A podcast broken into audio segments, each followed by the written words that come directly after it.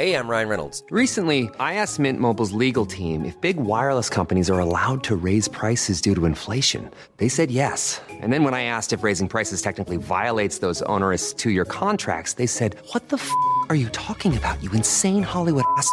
So to recap, we're cutting the price of Mint Unlimited from $30 a month to just $15 a month. Give it a try at mintmobile.com slash switch. $45 upfront for three months plus taxes and fees. Promo rate for new customers for limited time. Unlimited more than 40 gigabytes per month. Slows. Full terms at mintmobile.com.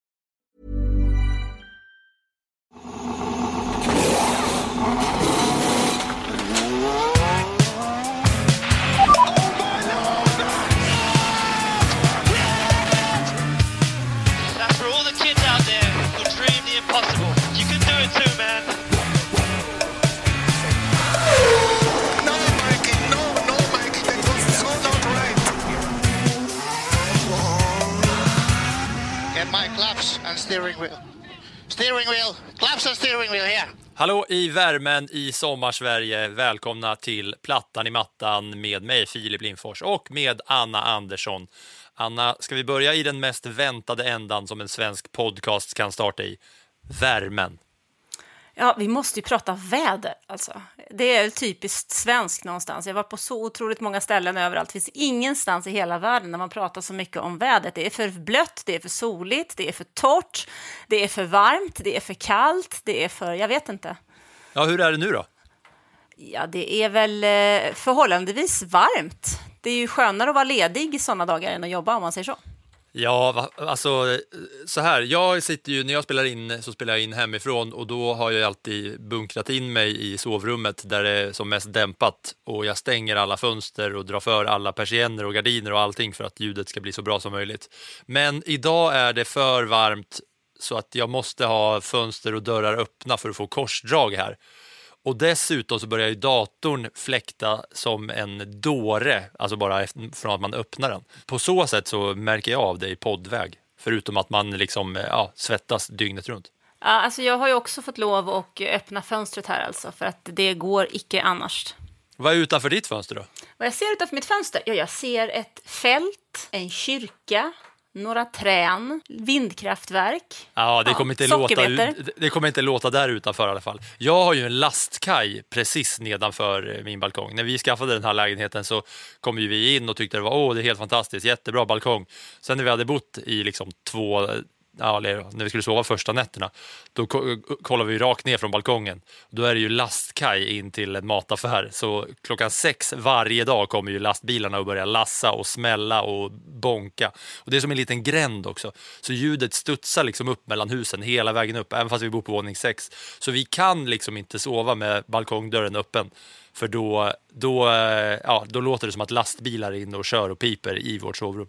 Nej, här är mest det att man har en traktor emellanåt, alltså när de kör och skördar under alla möjliga märkliga tider på dygnet. Annars Av det... märket John Deere eller Lamborghini. Nej, du, det är Valtra faktiskt. Jaha, ja, ja. Annars så är ju Lamborghini-traktorer något som man faktiskt eh, kan stöta på.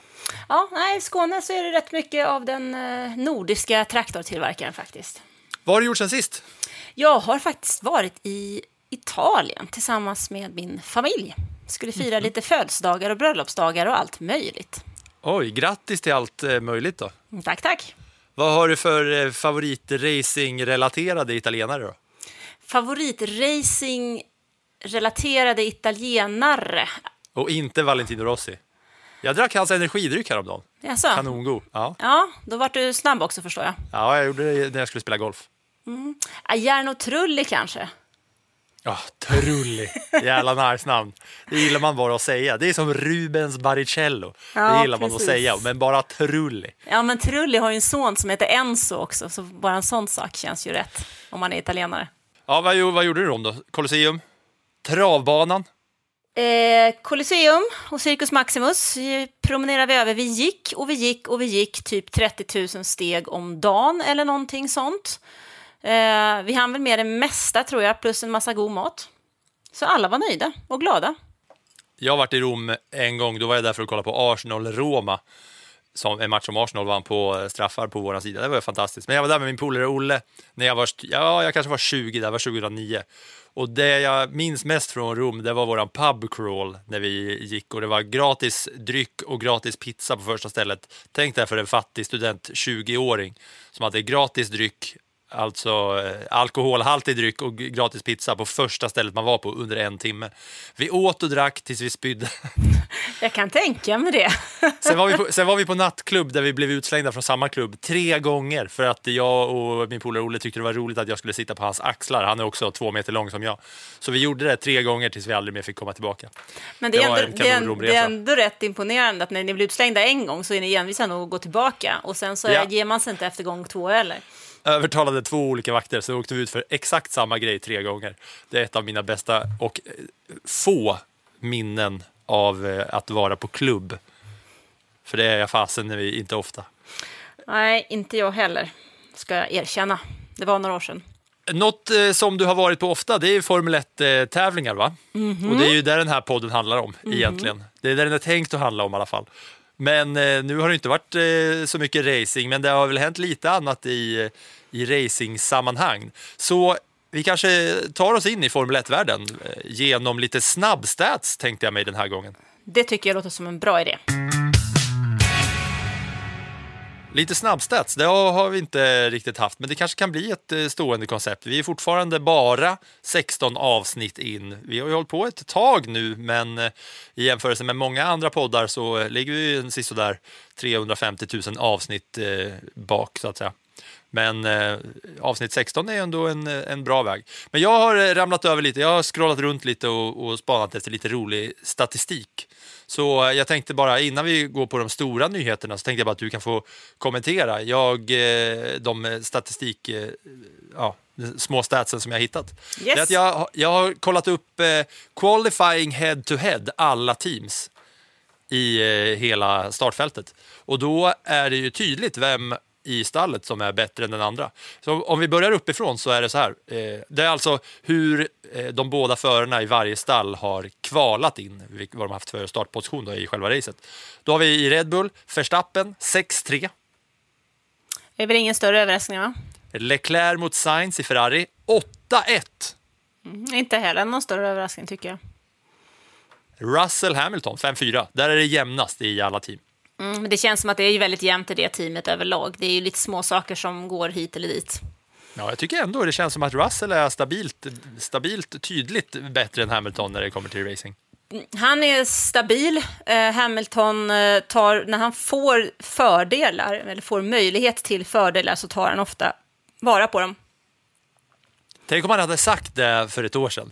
Russell är bättre race, på racing än Hamilton. Nu har jag skrattat åt dig.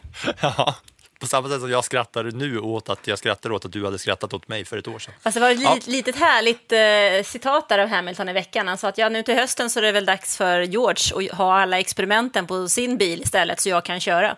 Aha. Ja, det är, det är dags för dem nu. I eh, McLaren så står det 7-2 till Lando Norris. Det är jag faktiskt inte heller överraskad över, för den där, där gropen som eh, Daniel Ricciardo har hoppat ner i har han ju lite svårt att ta sig ur. Alonso Ocon 6-3. Ja, han ger sig inte gubben. Bottas eh, mot eh, Joe 7-2. Ja, Kan är du det säga samma sak? Nej, men där, där är det ju så rätt tydligt alltså att Bottas eh, gör det ju riktigt, riktigt bra. Det gjorde han ju faktiskt eh, när han körde för Mercedes också. Han var duktig på att kvala. Gasly... Ja, förlåt. Nej, men även om Hamilton där hade en klar fördel på Bottas sätt över alla tre åren, men det tror jag också han skapade sig mentalt på ett sätt som gjorde att, att eh, Bottas faktiskt låste sig lite. Och nu har han möjlighet att släppa fritt där och då... Mm. Gasly Synoda 6-3. Gasly som har skrivit på nytt kontrakt, det ska vi väl eh, stanna vid om en liten stund. Men 6-3 i, i kvalandet i Alfa Tauri-gänget. Och sen eh, i Alfa Tauri så är det 6-1 Vettel mot Stroll. Sjukt att Stroll har kvalat bättre än Vettel en Aston gång. Martin menar du väl? Vad sa jag då? Alfa Tauri? Ja, det sa jag. Jag menar ju såklart eh, Aston Martin. Men det är två, två, tvåstavelse team, båda börjar på A. Ja, det är jag ger massa- mig den, det är massa jag ger mig den felsändningen, det är okej. Ja, Ja, helt okej. det Det är massa alfas, alfas och Aston och alltihopa. Det känns Eh, sjukt att Stroll har kvalat bättre än Vettel en gång, men det kanske han inte har. Det är väl för att Vettel inte genomförde kvalet. Ja, sen så får man väl, alltså, någonstans kan jag väl känna att med tanke på hur många år som faktiskt Lance Stroll har kört F1 så borde han ju vinna något kval i alla fall mot en teamkollega, ä- även om det är en flerfaldig världsmästare. Annars har han ju, annars har han ju liksom ingenting i F1 att göra. I Haas så är det 7-2 till Magnusen. Ja, det är ju inte heller någon överraskning. Men eh, Schumacher är lite på gång nu va? Känslan säger så. Känslan säger så, ja. Sen får vi väl se om den verifieras. Vi har ju fyra race på fyra veckor här, så vi får se vad som händer efter det. Ja, det ska bli kul, fyra race på fyra veckor. Känner man nu bara efter en helg utan Formel 1. Det ska bli jävligt kul med fyra raka. Och så sist då. Latifi, Albon, 1-8. Och den gången som Latifi har eh, kvalat bättre än Albon, det var när Albon inte ens kunde genomföra kvalet. Nej, men han fick en etta i alla fall. Det är ju likadant med Stroll. Rätt som det är så dyker de upp där, vet du. Ja, fy fasen. Jävla sopor. Jag såg en annan statistik om eh, Vettel och det är att eh, från, här, från racet i Monaco så hade han eh, tre omkörningar och det var mest av alla under hela Monacos GP. Men man fick inte se ett, en, en enda av de här omkörningarna på grund av att det lokala tv-teamet inte lyckades få med ett enda av dem. Det var kul. Ja, det, men det är just det där. Vi, det är många som, som snackar om det här Monacos framtid, för vi vet ju att de har ju inget kontrakt framöver. Och det har ju vi pratat om här och vi har, det har skrivit om det i bloggen och så vidare. Och just det där, som du ju nu nämner, att det är en lokal tv-produktion, det är ju en av anledningarna till att det är så stor diskussion kring Monaco. Det hand, den diskussionen om Monacos vara eller inte vara handlar egentligen inte om huruvida loppet är intressant eller inte, utan det handlar om väldigt många saker runt omkring. Därför att Monaco har som en av de här banorna som har funnits med sedan F1 startade väldigt många fördelar och de förhandlade sitt senaste kontrakt med Bernie Ecclestone som ju är F1-gurun och med honom hade de ju en tumme om man säger så. Så att de fick ju saker och ting lite som de ville för att de hade en speciell status. Och de nya ägarna Liberty Media är inte riktigt lika intresserade av att gå Monaco till mötes bara för den sakens skull. Och det var lite intressant i veckan när det nu dök upp eh, prat från eh, Stefano Dominicali som är den nya chefen, som tidigare var stallchef hos Ferrari faktiskt. Eh, men nu är han ny chef på F1 sida och han pratar om ett stadslopp i Nice. Och det är ju inte så här superlångt från Monaco, så det där kan ju vara ett sätt att eh, sätta lite press på monegaskerna. Eller flytta alltihopa så att han kan vara med och bestämma och F1 har mer att säga till om, för det är inte vettigt för F1s del med en arrangör som knappt betalar någon inträde plus har eh, egna sponsorer som dessutom konkurrerar med F1 sponsorer och dessutom har då en egen tv-produktion som missar hälften av det som tittarna faktiskt vill se. Bara, jag bara kommer att tänka på när du nämner Ecclestone. Han, eh, mycket kan ju sägas om den gubbstrutten, men eh, det var ju roligt när han var 90 år och eh, fick en son ganska nyligen. Alltså 90 år och fick en ny son. Det betyder att hans äldsta barn har gått i pension och fick en lillebror.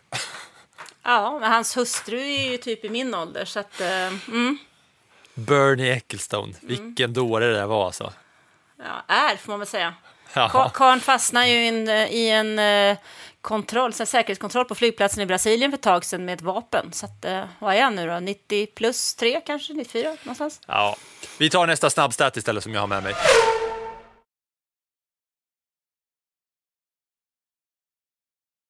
Carlos Sainz är nu sjätte förare i historien som har kört flest lopp utan en enda seger. Och vilka ligger före honom på den listan då? Jo, på, före på den listan är en italienare som heter Andrea De Cesaris som har kört 208 race och aldrig vunnit. Han kommer tvåa eh, och eh, varit på podiet fem gånger. Eh, Nick Heidfield, tysk, 183 race, han är tvåa. Sen är det Hylken. Ja, Kommer du ihåg Nick- Heidfield? Vill du säga något om honom? Ja, Heidfeld får du säga. ja förlåt mig. Jag ska bättra mig på mina tyska Han lektioner, jag kallas lovar. för Quick Nick i Tyskland. Sen vet jag är inte hur kvick han var. jättebra. Det är jättebra smeknamn. Han är i alla fall tvåa. Eh, Hulken Hulkenberg trea. Grosjean fyra. Martin Bundle Oh, femma. våran, vår F1-expert från Storbritannien. Och sen är det Carlos Sainz som har kört nu 149 race och aldrig vunnit någonsin. 11 podium. Han har flest podium av... Nej, det har han inte. Eh, Quick Nick har 13 podium. Sainz har 11 podium. Eh, Kommit tvåa som bäst. Så det är ett tag kvar tills han får göra sitt... eh, Ja, debutera där på högsta platsen, om man säger så. Lite kul, va? Det är roligt. Vi hade Stefan Lillövers Johansson på den här listan också ganska länge faktiskt, vet jag. Han har ju heller aldrig vunnit, men har tagit fler pallplatser. Och på lite samma tema, så är, på samma Carlos Sainz, så är han nu tia i flest ledda varv utan en seger genom tiderna. Det är också lite namn som jag inte liksom känner till här. Jag vill ha, ha den listan bara på ettan till tian lite snabbt. Alltså hur, den förare som har varit i ledning flest varv utan att vinna.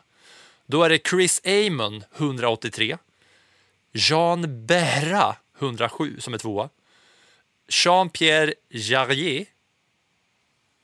eh, Jack McGrath, sen är det George Russell som är eh, på femte plats nu. 63 varv i ledning utan eh, en enda seger.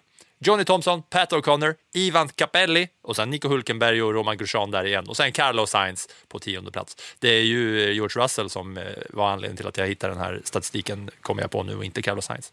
Men det är ju lite härligt ändå med F1 med all sån här helt onödig så här statistik som när man gräver in sig i den blir så himla spännande och intressant och verkligen ger någonting. Det gillar jag. Ja, nej, men det här är ju jättekul. Han har ju alltså mer, han behöver ju köra mer än dubbelt så många varv utan att vinna då, Russell, för att ta sig förbi Chris Amon på 183 varv utan en enda seger. Kul va? Mycket roligt. Nu går, nu går vi vidare från snabbstatistiken till nyheter och andra snackisar. Ryan Reynolds here from Mint Mobile. With the price of just about everything going up during inflation, we thought we'd bring our prices down. So to help us, we brought in a reverse auctioneer, which is apparently a thing.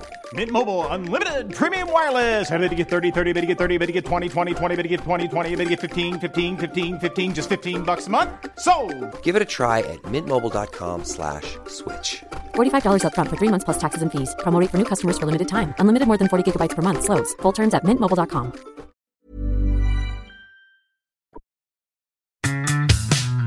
Och då kan vi väl, som bara vi snuddade vid där i head-to-head eh, kvalificeringskampen, att eh, Gaslys nya kontrakt med Alfa Tauri är nu offentligt och, eh, eller offentliggjort av teamet. Han kommer stanna över säsongen 2023 också. Du har varit och nosat på det här känns det som och hintat om att det är klart redan och så vidare. Ja, det, det, som, det som det här får mig att känna bara det är ju att eftersom nu Checo Perez kontrakt går över 2024 så känns det väl som att efter 2023 så är det dags för herr Gasly som fortfarande är ung att eh, leta efter någonting annat och det känns ju som att den där säsongen eh, 2024 så kan vi nog få se en hel del förändringar på förarmarknaden. Känns spännande. Jag hade, ju, jag hade ju hoppats att det redan skulle hända vid slutet av den här säsongen, men eh, 2024 säger du att vi får hålla ut till innan det blir stora rockader. Jag tror att om du pratar om stora rockader så tror jag att det är då. Men jag tror fortfarande att det kan hända en del saker den här säsongen. Vettel har inget kontrakt klart. Eh, Mick Schumacher har inget kontrakt klart. Eh, Ricciardo har väl ett kontrakt, men där pratar man ju hela tiden om att man inte är säker, eller framförallt så är det Zac Brown som säger att det finns saker som ska eh, uppfyllas i det här kontraktet. Och eh, Ricciardo har ju antagligen med sin, sin prestation de senaste åren inte varit i närheten av att uppfylla dem. Så där ligger väl en stötesten. Och det är väl också lite press som eh, Zac Brown vill sätta på Ricciardo här. Och det är ju... F1 handlar ju väldigt mycket om politik och om hur eh, man uttrycker sig för att få sin vilja fram. Du var inne på McLaren och, och Zac Brown. Det var, ju, abs- det var ju absolut, och då kan vi snacka vidare om Felix. Ja, exakt. För att eh, när vi snackar kontrakt och när vi snackar eh, McLaren så är det klart med ett nytt kontrakt för Felix Rosenqvist också. Och det är från 23 och, 2023 och framåt. Och då var de lite, liksom, eh, när de tweetade ut det här McLaren, så var det lite lite sammanhöjde på ögonbrynen där de skrev att de är exalterade för att berätta att eh, ja, Rosenqvist kommer fortsätta köra för eh, McLaren Racing från 23, 2023 and beyond. Och sen så här, vi kommer bekräfta om Felix kommer köra för Aero McLaren eller vårt Formula E-team snart.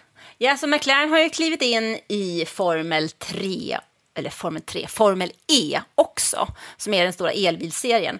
Och det är ju så att Felix har varit i Formel E. Det var där han var innan han gick vidare till Indycar.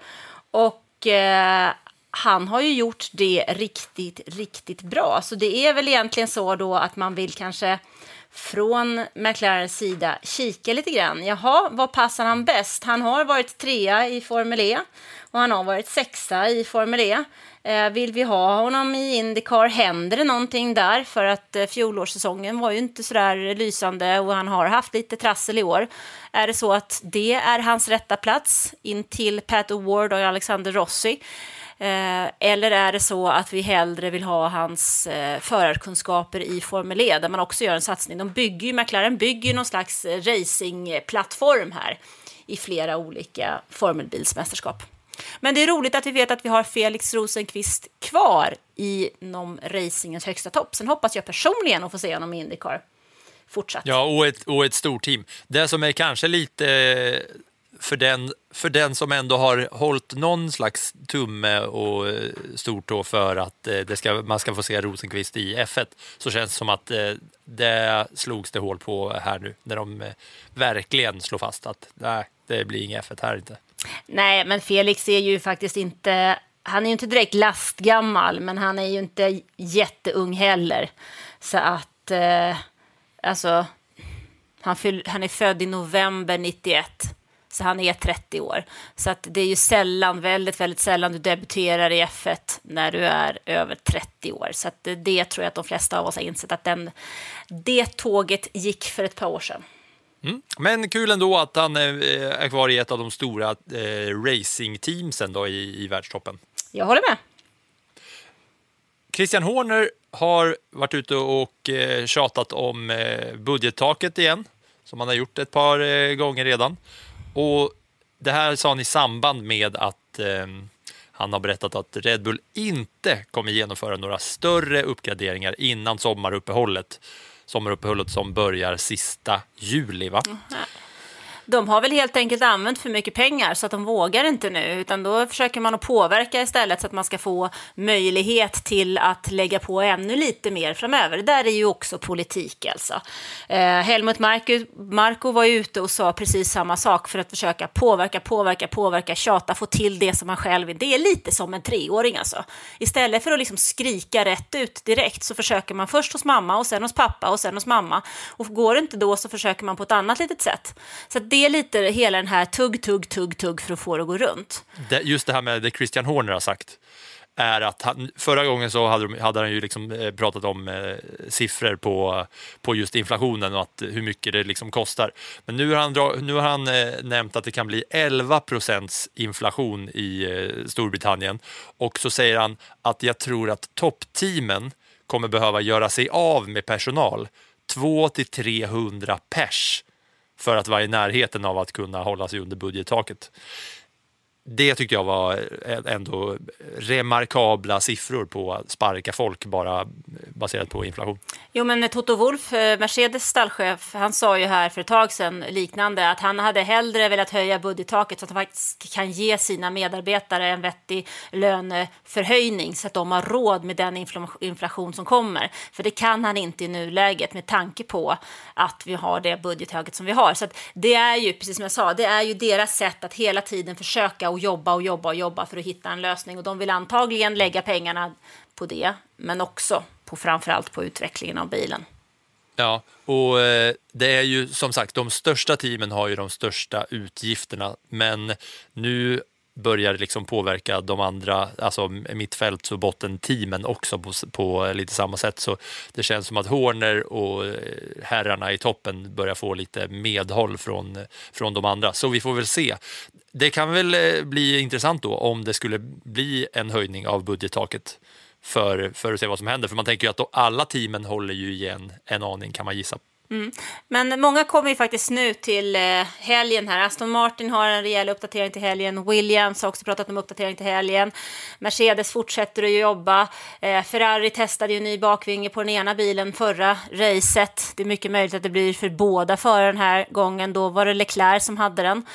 Eh, Så att det där kommer ju att komma. Och när vi pratar om det här med budgeterna hit och dit, så glöm inte bort att det är ett sätt att påverka. Påverka världen runt omkring, påverka de andra teamen, skapa oro och försöka att påverka F1 för att få någonting dit man vill. Och det är ju så att inom F1 så behöver teamen vara överens om en regeländring under en säsong. Och då pågår det ju ständigt en konflikt och samarbeten över gränserna. Man samarbetar med de team som köper ens motorer och så vidare. Det finns ju olika. Så det är hela tiden olika vägar där som man försöker gå för att få sin vilja fram. Det är lite som den här treåringen jag pratade om precis. Eh, egentligen så många av dem skriker rätt ut också. En annan sak som är intressant när det gäller den tid vi befinner oss i nu. Det är ju att reglerna för vindtunneln har ändrats. Eller reglerna har inte ändrats utan det sattes ett stopp. Man bestämde sig för att man skulle titta efter Kanadas GP och titta på hur mycket tid som de olika teamen får lägga i vindtunneln. Och kommer du ihåg inför säsongen, Filip, så pratade vi om att man fick titta efter hur det såg ut efter förra säsongen. Att de som var i toppen fick mindre tid i vindtunneln än de som var i som, eh, botten. Det är lite som eh, draftsystemet i NHL eh, och i, i allmänt, allmänt i amerikanska eh, ligorna. Mm. Att de sämsta får eh, fördelar inför nästa säsong så att man hela tiden ska hålla det Mm. på något sätt lite konkurrenskraftigt. Så de som kommer sist får första draftvalet. Ja, precis. Och Här får man- vindtunneln motsvarar väl eh, ja, på samma sätt då. Men innan du berättar om det här med vindtunneln så att alla förstår, för att det här tyckte jag var lite lurigt när jag började eh, sätta mig in i saker och ting.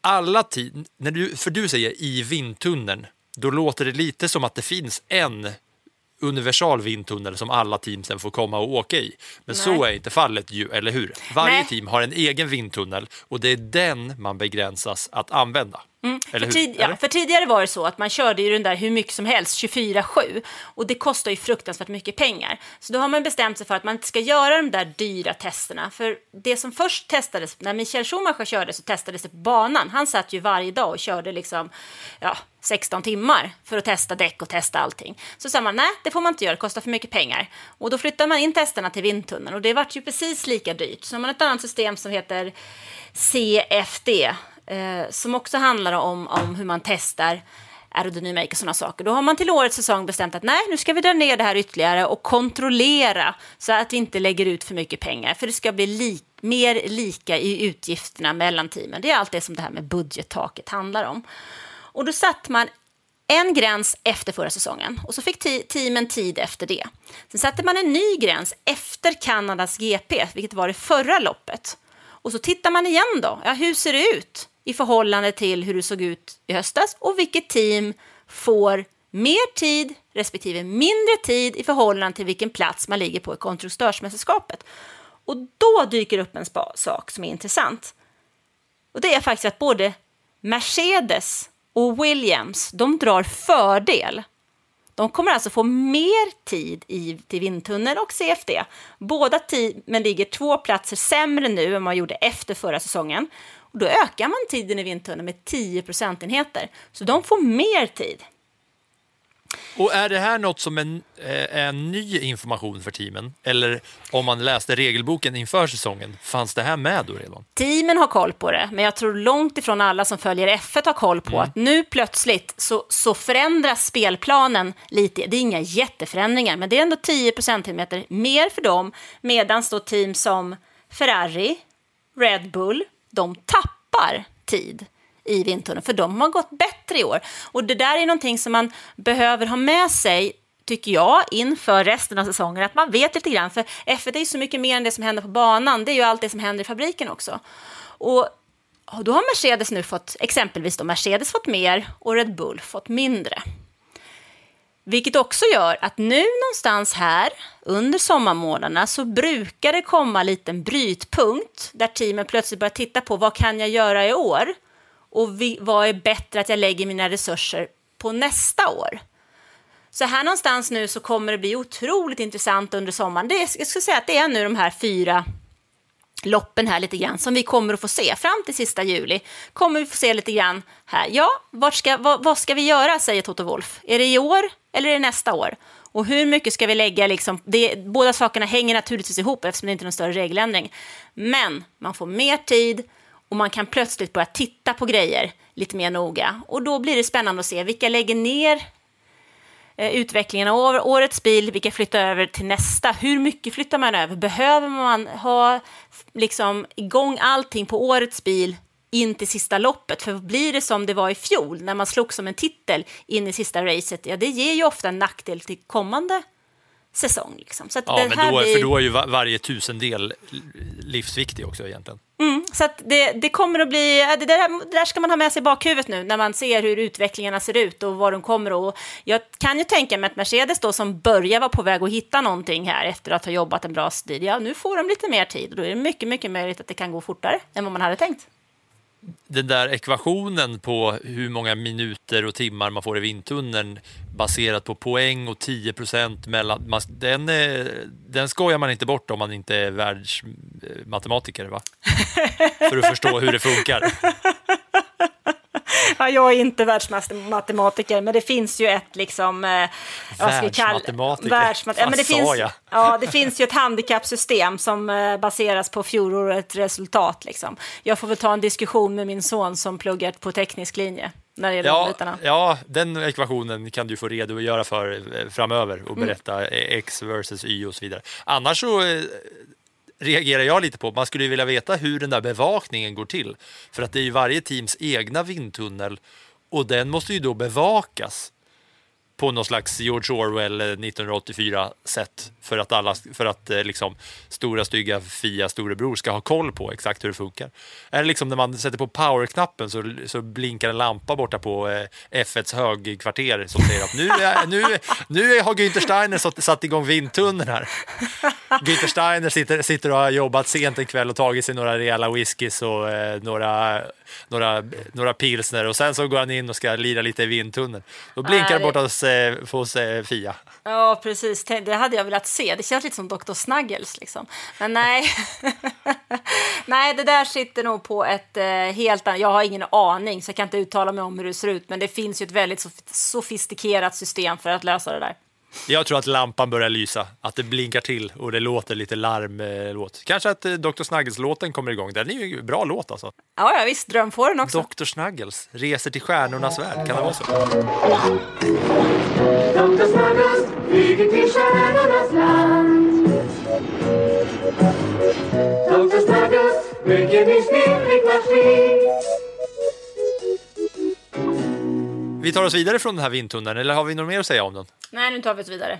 Ja, håll koll på det och eh, någon kan, väl, eh, någon kan väl skicka in, om ni kan, ekvationen på, på hur många extra minuter och timmar som eh, Mercedes och Williams får här baserat på de 10 procenten och hur ställningen såg ut förra året versus nu. Kan vi skicka in den ekvationen så, så kan vi prata om det i nästa avsnitt. Kan bli kul. Det kan bli kul. Jag kommer inte förstå någonting. Något som inte är så kul för eh, både Red Bull och den eh, estländske föraren Juri Vips som kör Formel 2 och eh, är signad förare för Red Bull är att han har suttit och spelat Call of Duty med sina kompisar och där har han inte använt så särskilt fint språk vilket gjort att han har blivit avstängd från Red Bull. Han har fått ta bort, eh, han har fått ta bort det i sin liksom, Instagram-profil, att han är en Red Bull-förare. Han är ändå en av de här, eh, de här namnen som det pratas om inför framtiden och en av de mer talangfulla som, eh, som kör F2. Men han har i alla fall suttit och, och eh, lirat Call of Duty med sina polare och streamat på Twitch där han använt sig av n-ordet. Bland annat, ja, alltså det där är ju lite farligt. Ehm, Twitch är ju liksom, det finns ju ingen censur. Utan det där, och han är ju inte den första som har suttit och snackat med sina polare och haft en stund och, och sen så slängt ur sig någonting som inte var så väl genomtänkt. Det har väl hänt de flesta, till och med mig när jag kör Mario Kart, att man har sagt något dumt. Men eh, Kanske inte så här dumt va? Det tror jag Nej, inte om det, det har jag. Framförallt så har jag ju inte, har jag ju inte kört ut över Twitch. Det är ju där någonstans problemet ligger. Hade han suttit, men vi hade samma problem under 2020 när vi hade väldigt många såna E-serier igång och många racerförare från olika mästerskap träffades online och körde olika racingmästerskap och så, så streamade man det. Och man hade känslan av, eller de hade känslan av att de satt hemma och lirade med sina polare. Och då kan man ju säga saker som är oerhört ogenomtänkta och elaka om de hörs av fel öron. I det här läget så det är ett ord som man inte ska använda, men det har ju slunkit ut. Det finns många ord man inte ska använda som slinker ur och det är ju inte så farligt om man sitter i vardagsrummet i sin egen lägenhet och man är tre stycken. Men det blir, blir plötsligt bedrövligt när man slänger ur sig det och det streamas. Ja. Det får ju sådana konsekvenser för att man inte tänker till. Liksom. Men det, jag fund- det, alltså det som chockar mig mest är att det ens existerar i en, vad är han, 21, 22, 20, i en så ung kille, att det ens ligger så nära till hands i vokabuläret. Alltså jag känner ju att det ska mycket till för att en sån här... Jag skulle kunna ursäkta om han var i samma ålder som en mormor ifrån liksom Säffle eller Katrineholm som vägrar rätta sig efter hur samtiden ser ut. Men att någon som ändå växt upp under 2010-talet, att det är ett ord som, kan, som ändå kan slinka ur så enkelt.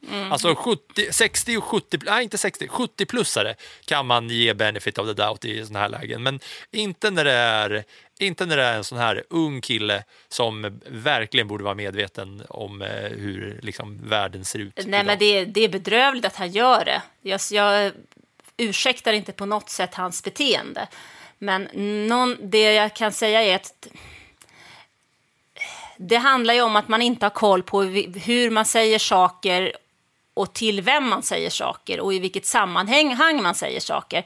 Man behöver inte gå längre ner till sporthallen när man hör vissa tonåringar prata, eller skolan, så, så blir man ju ibland lite mörkrädd på det sättet som de uttrycker sig på. Um, för att man inte tänker på konsekvensen av de ord som man faktiskt använder. Uh, och det är ju någonting det är ju en större diskussion egentligen, att de här orden ens finns med i vokabuläret och de, har sak, de saknar liksom, man har ingen, ingen känsla för vad ordet egentligen betyder utan man bara hasplar ur sig det utan att veta vad det är för någonting. Och det tycker jag är fullständigt bedrövligt med att, och det får ju enorma konsekvenser när man gör en sån här grej Med online. Absolut. Absolut. Det, det man tänker nu det är ju så här va, att han kör i F2 och är en supertalang där. Eh, men för Red Bull är det ju så här att deras brand är ju extremt mycket större och viktigare än vem som sätter sig i, i eller vem som kör upp sig från F2. Eh, alltså, deras brand är viktigare än en Formel 2-förare från Estland, hur bra han än är, känns det som.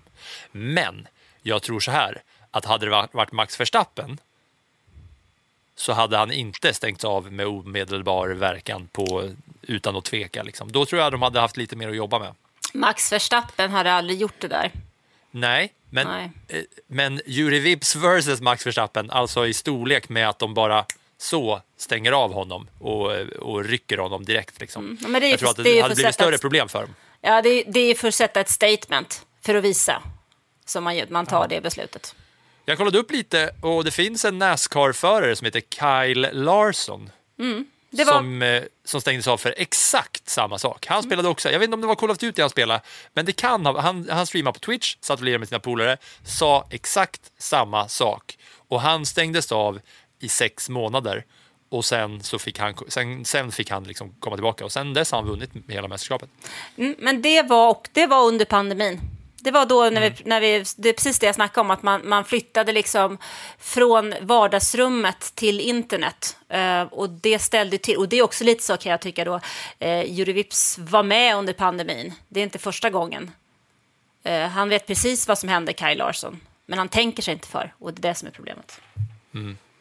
Eh, sen vet jag inte om det är värt att ta upp att eh, han har någon av sina racingpolare som han har växt upp med som är från Storbritannien, Enam Ahmed tror jag han heter, eh, som har bakgrund ifrån eh, Pakistan som, eh, ja, som har också varit så här talent driver men som inte riktigt eh, har slagit igenom på samma sätt. Men han, ja, han kör väl nu för Indy Pro 2000, kan det heta så.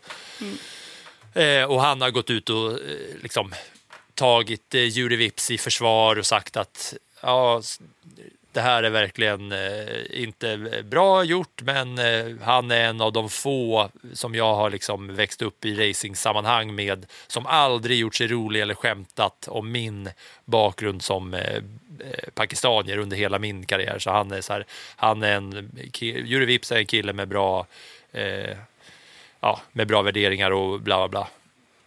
Och sådär. Men eh, ja, Red Bull rycker honom på direkten. Mm, tänk efter före.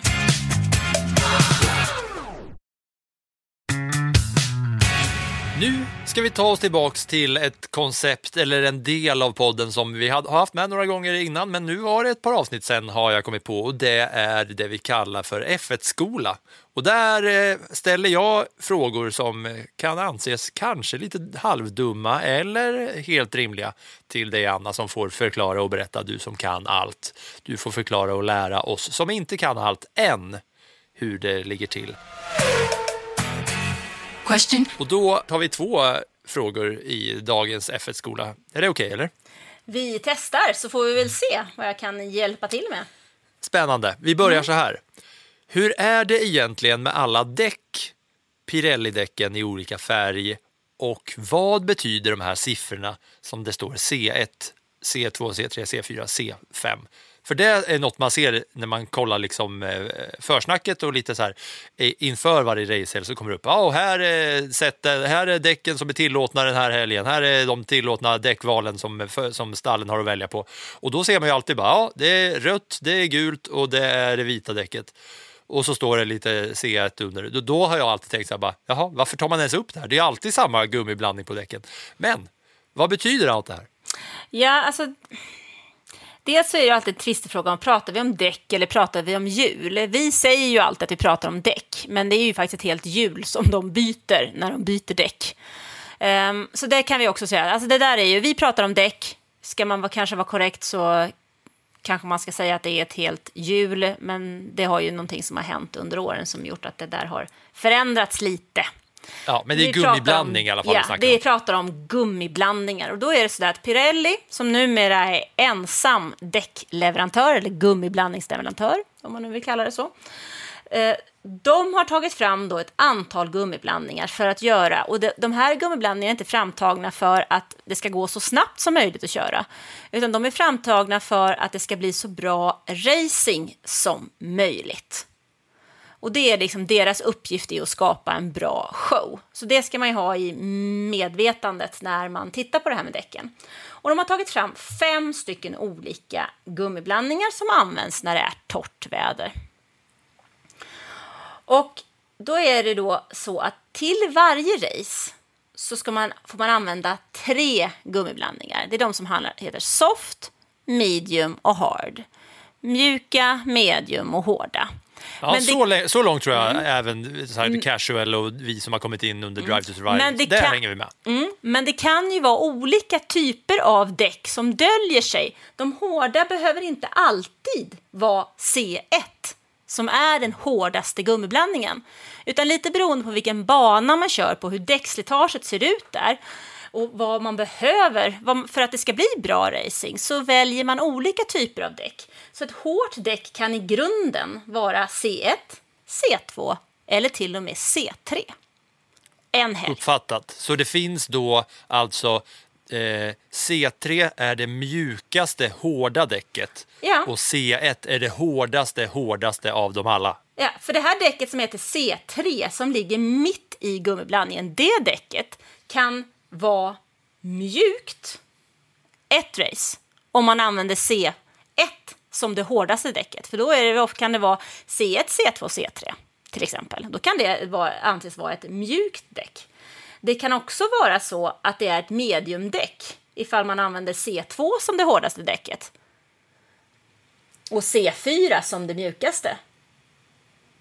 Och det kan också vara så att det, liksom, så det, beror- det kan vara det hårdaste däcket om man går åt det hållet. Så att det där kan variera lite beroende på vad Pirelli väljer att eh, leverera till de olika tävlingshelgerna.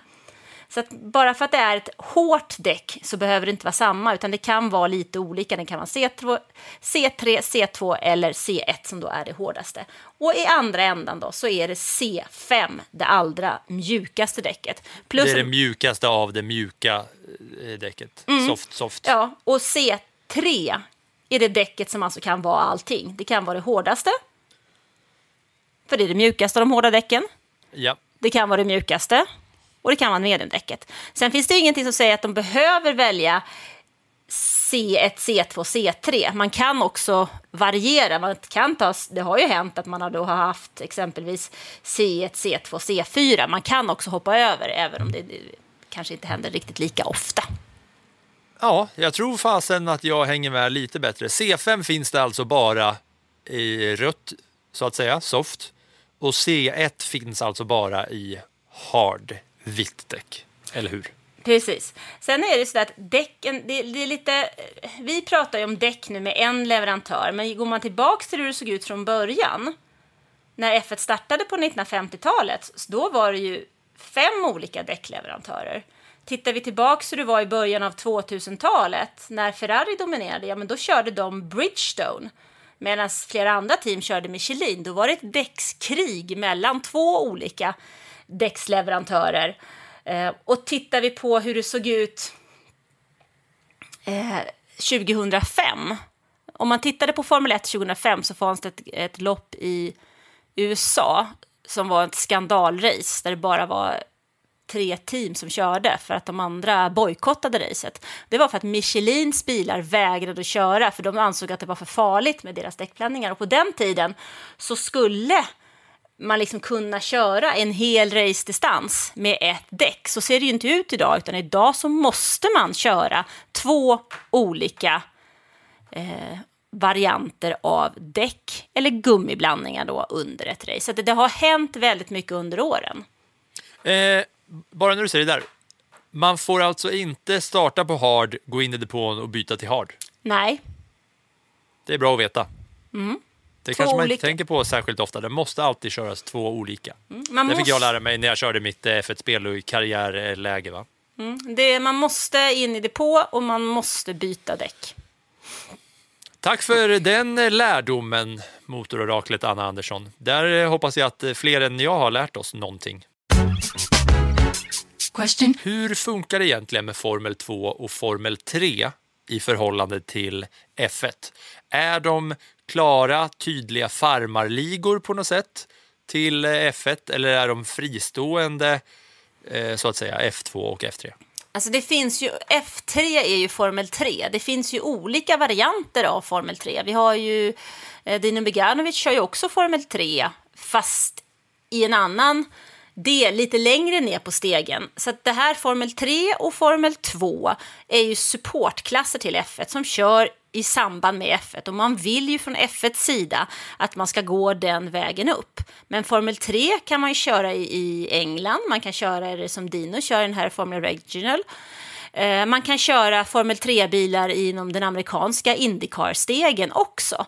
Men F1 vill ju helst att man ska in i deras liksom, stege för att ta sig den vägen upp. Men man behöver inte, för Max Verstappen har till exempel inte gjort det.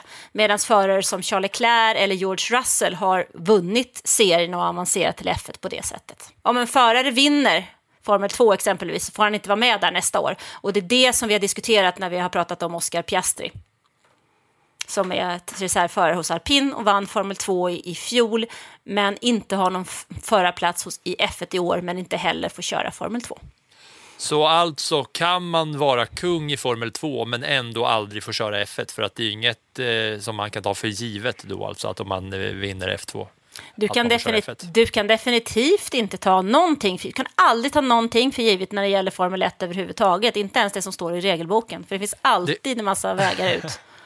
Det kanske till och med är mer sällsynt att vinna Formel 2 och sen få köra F1 än tvärtom så att säga. Alltså det där är lite olika olika år. Det finns ju många förare som har eh, vunnit eh, Formel 2 och klivit upp i Formel 1 och blivit väldigt, väldigt duktiga F1-förare och även världsmästare. Nico Rosberg är en, Lewis Hamilton är en annan. Ehm, även om serierna på den tiden hade andra namn. Men vi har ju Björn Wirdheim till exempel. Han har ju vann ju, då hette det, det som nu heter Formel 2, hette på den tiden Formel 3000. Och han kom ju inte närmare F1 än att vara reservförare.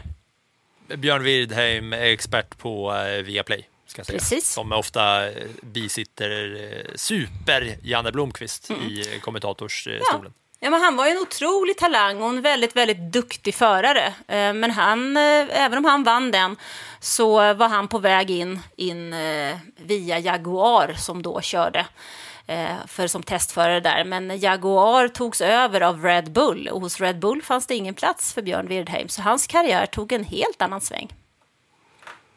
Tack för att vi har fått lära oss det också. Nu blickar vi framåt mot Silverstones Grand Prix. Äntligen! Silverstone för mig är Mercedes. Jag eh, tror nog att vi kommer att få se någonting från Mercedes den här helgen som vi kanske inte har sett tidigare. Om det räcker till en seger, det kanske är eh, en utopi.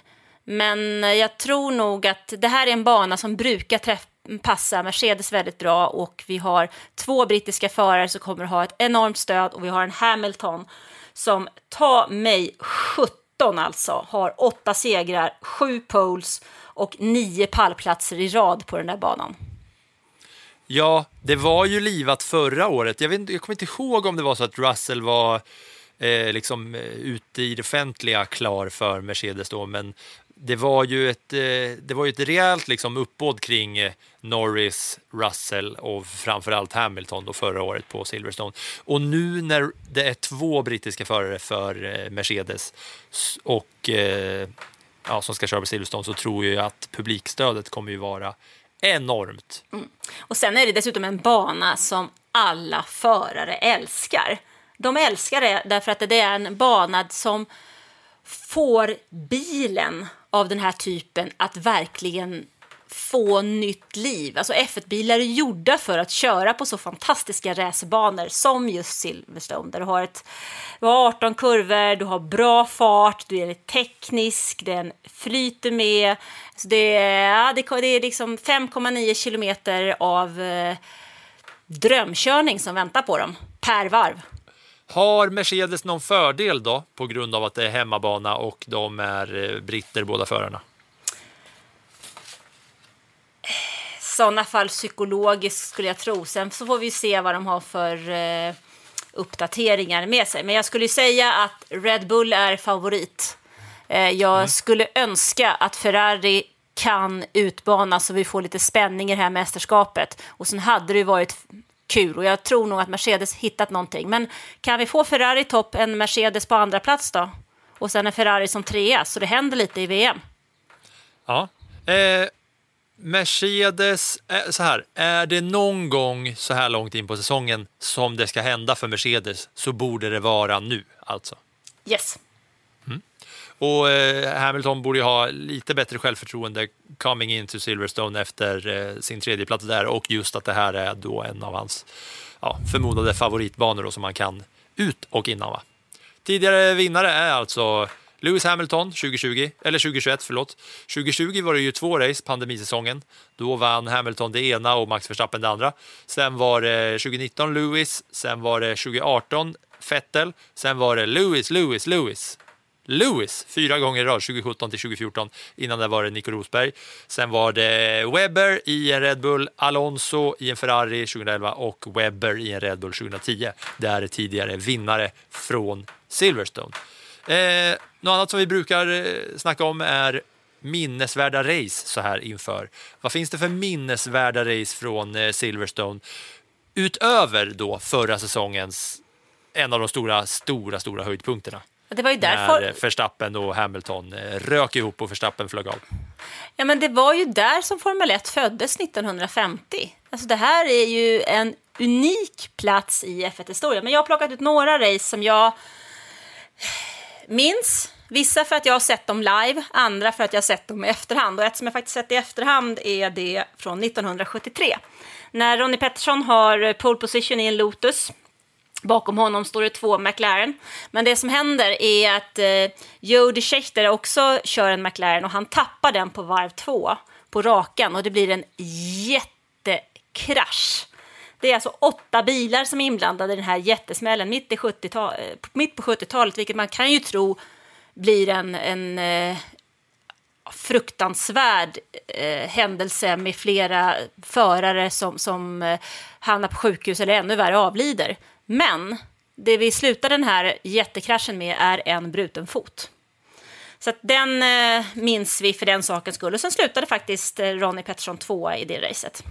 Fan, jag undrar med våra lyssnare som många har kommit in i, i Formel 1-sporten genom Drive to Survive de senaste fyra åren. Behöver man liksom nämna någon slags background på Ronnie Pettersson, kanske, för lyssnare som är födda från 95 och senare? Bara en kortis. Att han är Sveriges mest framgångsrika eh, Formel 1-förare genom tider? Na. Eller? Det kan väl helt enkelt säga att Ronnie Pettersson är ju Sveriges mest framgångsrika F1-förare. Han har tio vinster. Han var, har varit tvåa i VM. Eh, och han eh, avled på Monza år 1978. Eller han avled, han avled på sjukhus efter en krasch på Monza år 1978. Och är ju ja, helgonförklarad nästintill. Han eh, ansågs ju vara en av de snabbaste förarna som någonsin har kört Formel 1 och framförallt så var han väldigt framgångsrik i sin Lotus. Mm, Lotus. Det finns också en bra dokumentär eh, som man kan se, Super Swede tror jag den heter, om Ronnie mm. Pettersson på, mm. på, på Viaplay. Har man kollat in uh, Indycar lite grann och sett Marcus Eriksson så har Marcus, har ju, som är från, är från Kumla, eh, hyllar ofta Ronny som var från Örebro i sin hjälmdesign. Har han gjort under alla år som han har tävlat eh, internationellt. Och Ronny Pettersson han var aktiv under åtta år på 70-talet med start 1970 mm. och körde 123 lopp. Vi ska bara nämna Rodney Petterssons storhet, för, men vi ska inte nämna för mycket för att det, det, där är ett namn som garanterat ligger i lådan för backspegeln, kan jag säga. Så bara en, bara en liten minibakgrund på Rodney Pettersson för den som reagerar bara, jaha, det låter svenskt det där namnet. Mm. Ja, något mer minnesvärt race från Silverstone då? Ja, gå ja, vidare. Anna. Du, den 3 juli 1975 så hände det massa bra saker faktiskt. En av dem var att det var för första gången som man använde en ljussignal inom eh, Formel 1. Mm. En annan var att eh, Graham Hill, som är en av Storbritanniens största eh, F1-förare genom tiderna, berättade att han skulle lägga av. Mm. Mm. Ljussignal, vadå? Ja. Du har aldrig sett de där lamporna eller? Jaha, det är lamporna, alltså bara rödljusen till. Jaha, innan, vad hade man innan då? Det kan jag däremot inte svara på. Men jag vet att jag, jag noterade det där datumet eftersom jag föddes den dagen. Aha! När lamporna eh, började lysa för första gången. Ja, något mer då? Ja, sen har vi racet 1987. Jag kallar mm. det för Manselmania. Jag kallar det för Mustache Mansell, the man with the mustache. Ja, det kan man ju verkligen säga. Alltså Nigel, Mans Nigel Mansell. Nigel Mansell är ju en av de största eh, idolerna inom eh, brittisk racing och han var väldigt, väldigt bra på just Silverstone. Han vann det fyra gånger. Och 1987 så jagade han sin eh, kollega Nelson Piquet. Han låg 29 sekunder efter men vände och vann. Det racet glömmer vi icke. Ja, han var alltså 30, med 30 varv kvar var han 30 sekunder bakom. Mm. Så plockade han in den.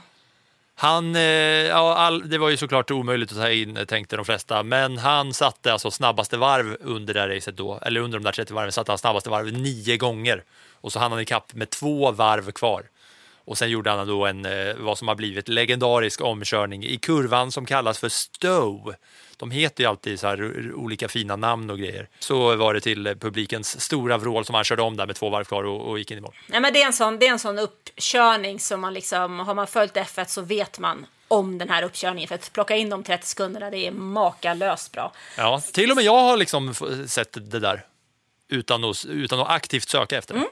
Sen har vi då 1992 så vann då Nigel Mansell igen och folk invaderade banan. Det är också fantastiska bilder på hur folk bara Alltså de bara väller in och han får liksom lämna bilen och ta sig därifrån för det är bara... Planstormning i F1-världen. Ja, men verkligen alltså. Eh, och det är också det året som, som Mansell faktiskt vann VM och sen lämnade han F1 för Indycar. Och sen så ja, var det lite comebackförsök sen, men då var han lite för rund om maggen för att få plats i bilen. Ja, det är en mustaschbeprydd man som är värd att kolla upp en bild på, alltså Nigel Mansell. Riktigt stor mustasch. Ja, riktigt eh, stor brittisk racerförare får vi väl också säga. Har du något mer dig som du vill säga något om? Eller? Jo, det gör vi. 98.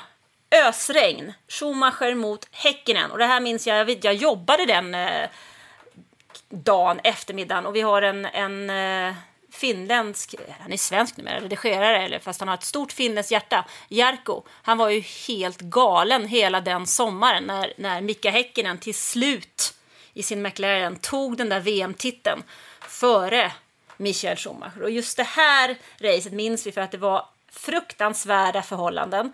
Schumacher han eh, körde om Alexander Wurz under säkerhetsbil så han fick ett 10 sekunder stop and go.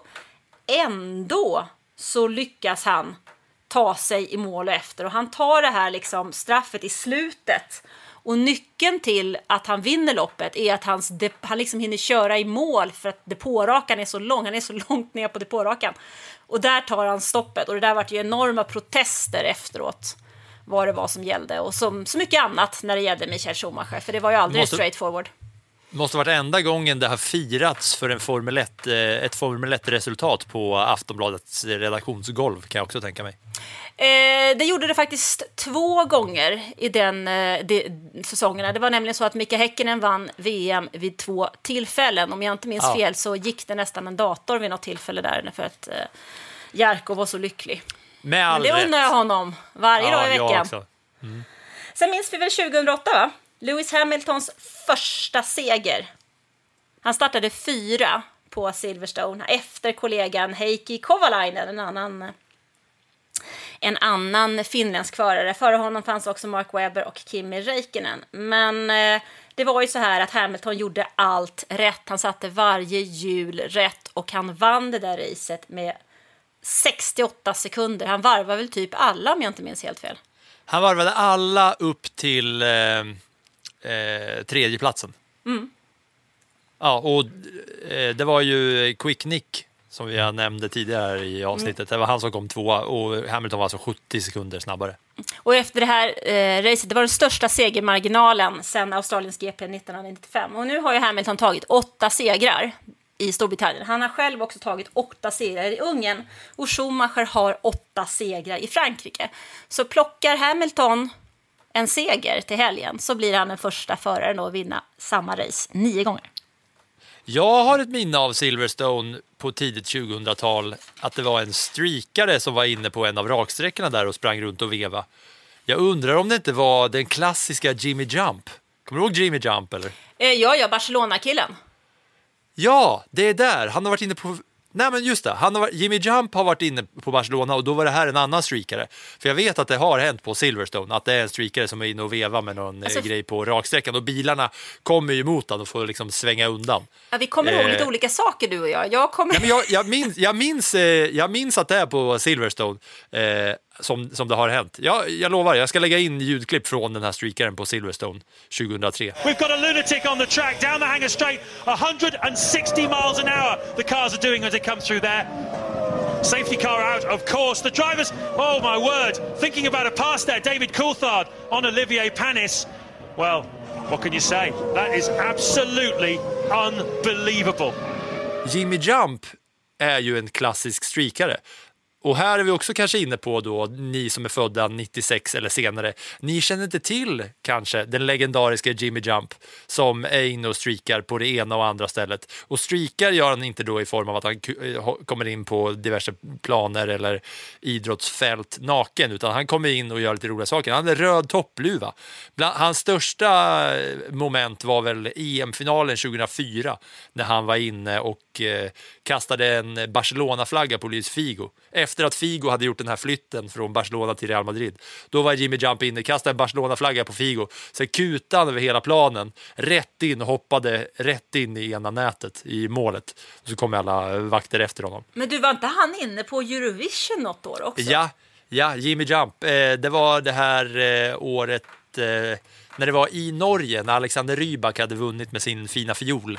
Så, eh, så var han inne, för han är ju från Spanien. Jag vet inte om han är från Katalonien eller något sånt. Men det är alltid, det är liksom kännetecknar honom att han har en röd toppluva. Så i Eurovision så var han inne under Spaniens bidrag då och bara smet in och så dansade han som en del av, liksom, som en del av koreografin där bakom. Som gjorde att alla blev så jävla förvirrade för att, för att han, liksom, han gjorde inte så mycket väsen av sig. Han försökte bara vara en del av eh, framträdandet. Så Spanien fick köra om sitt bidrag då. Det var ju en eh, klassiker, det kommer jag ihåg. Det var 2000, när vann Alexander Rybak då? 2009, så det var 2010 då, gissningsvis.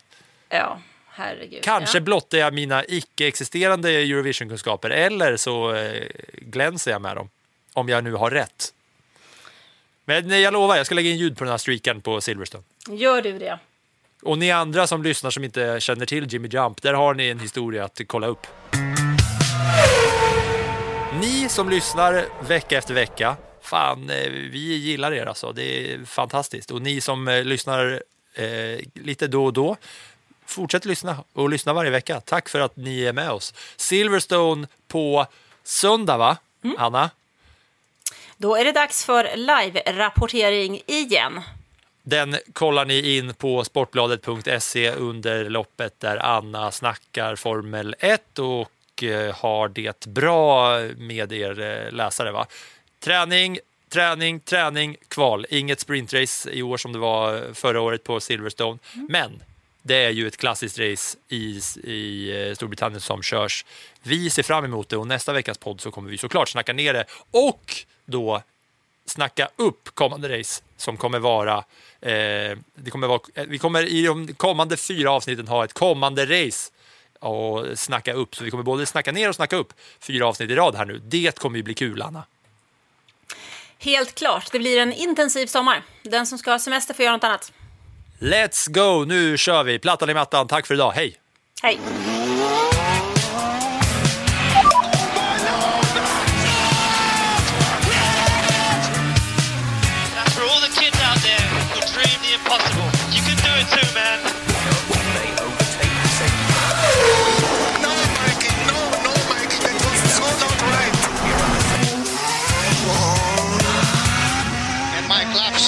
And my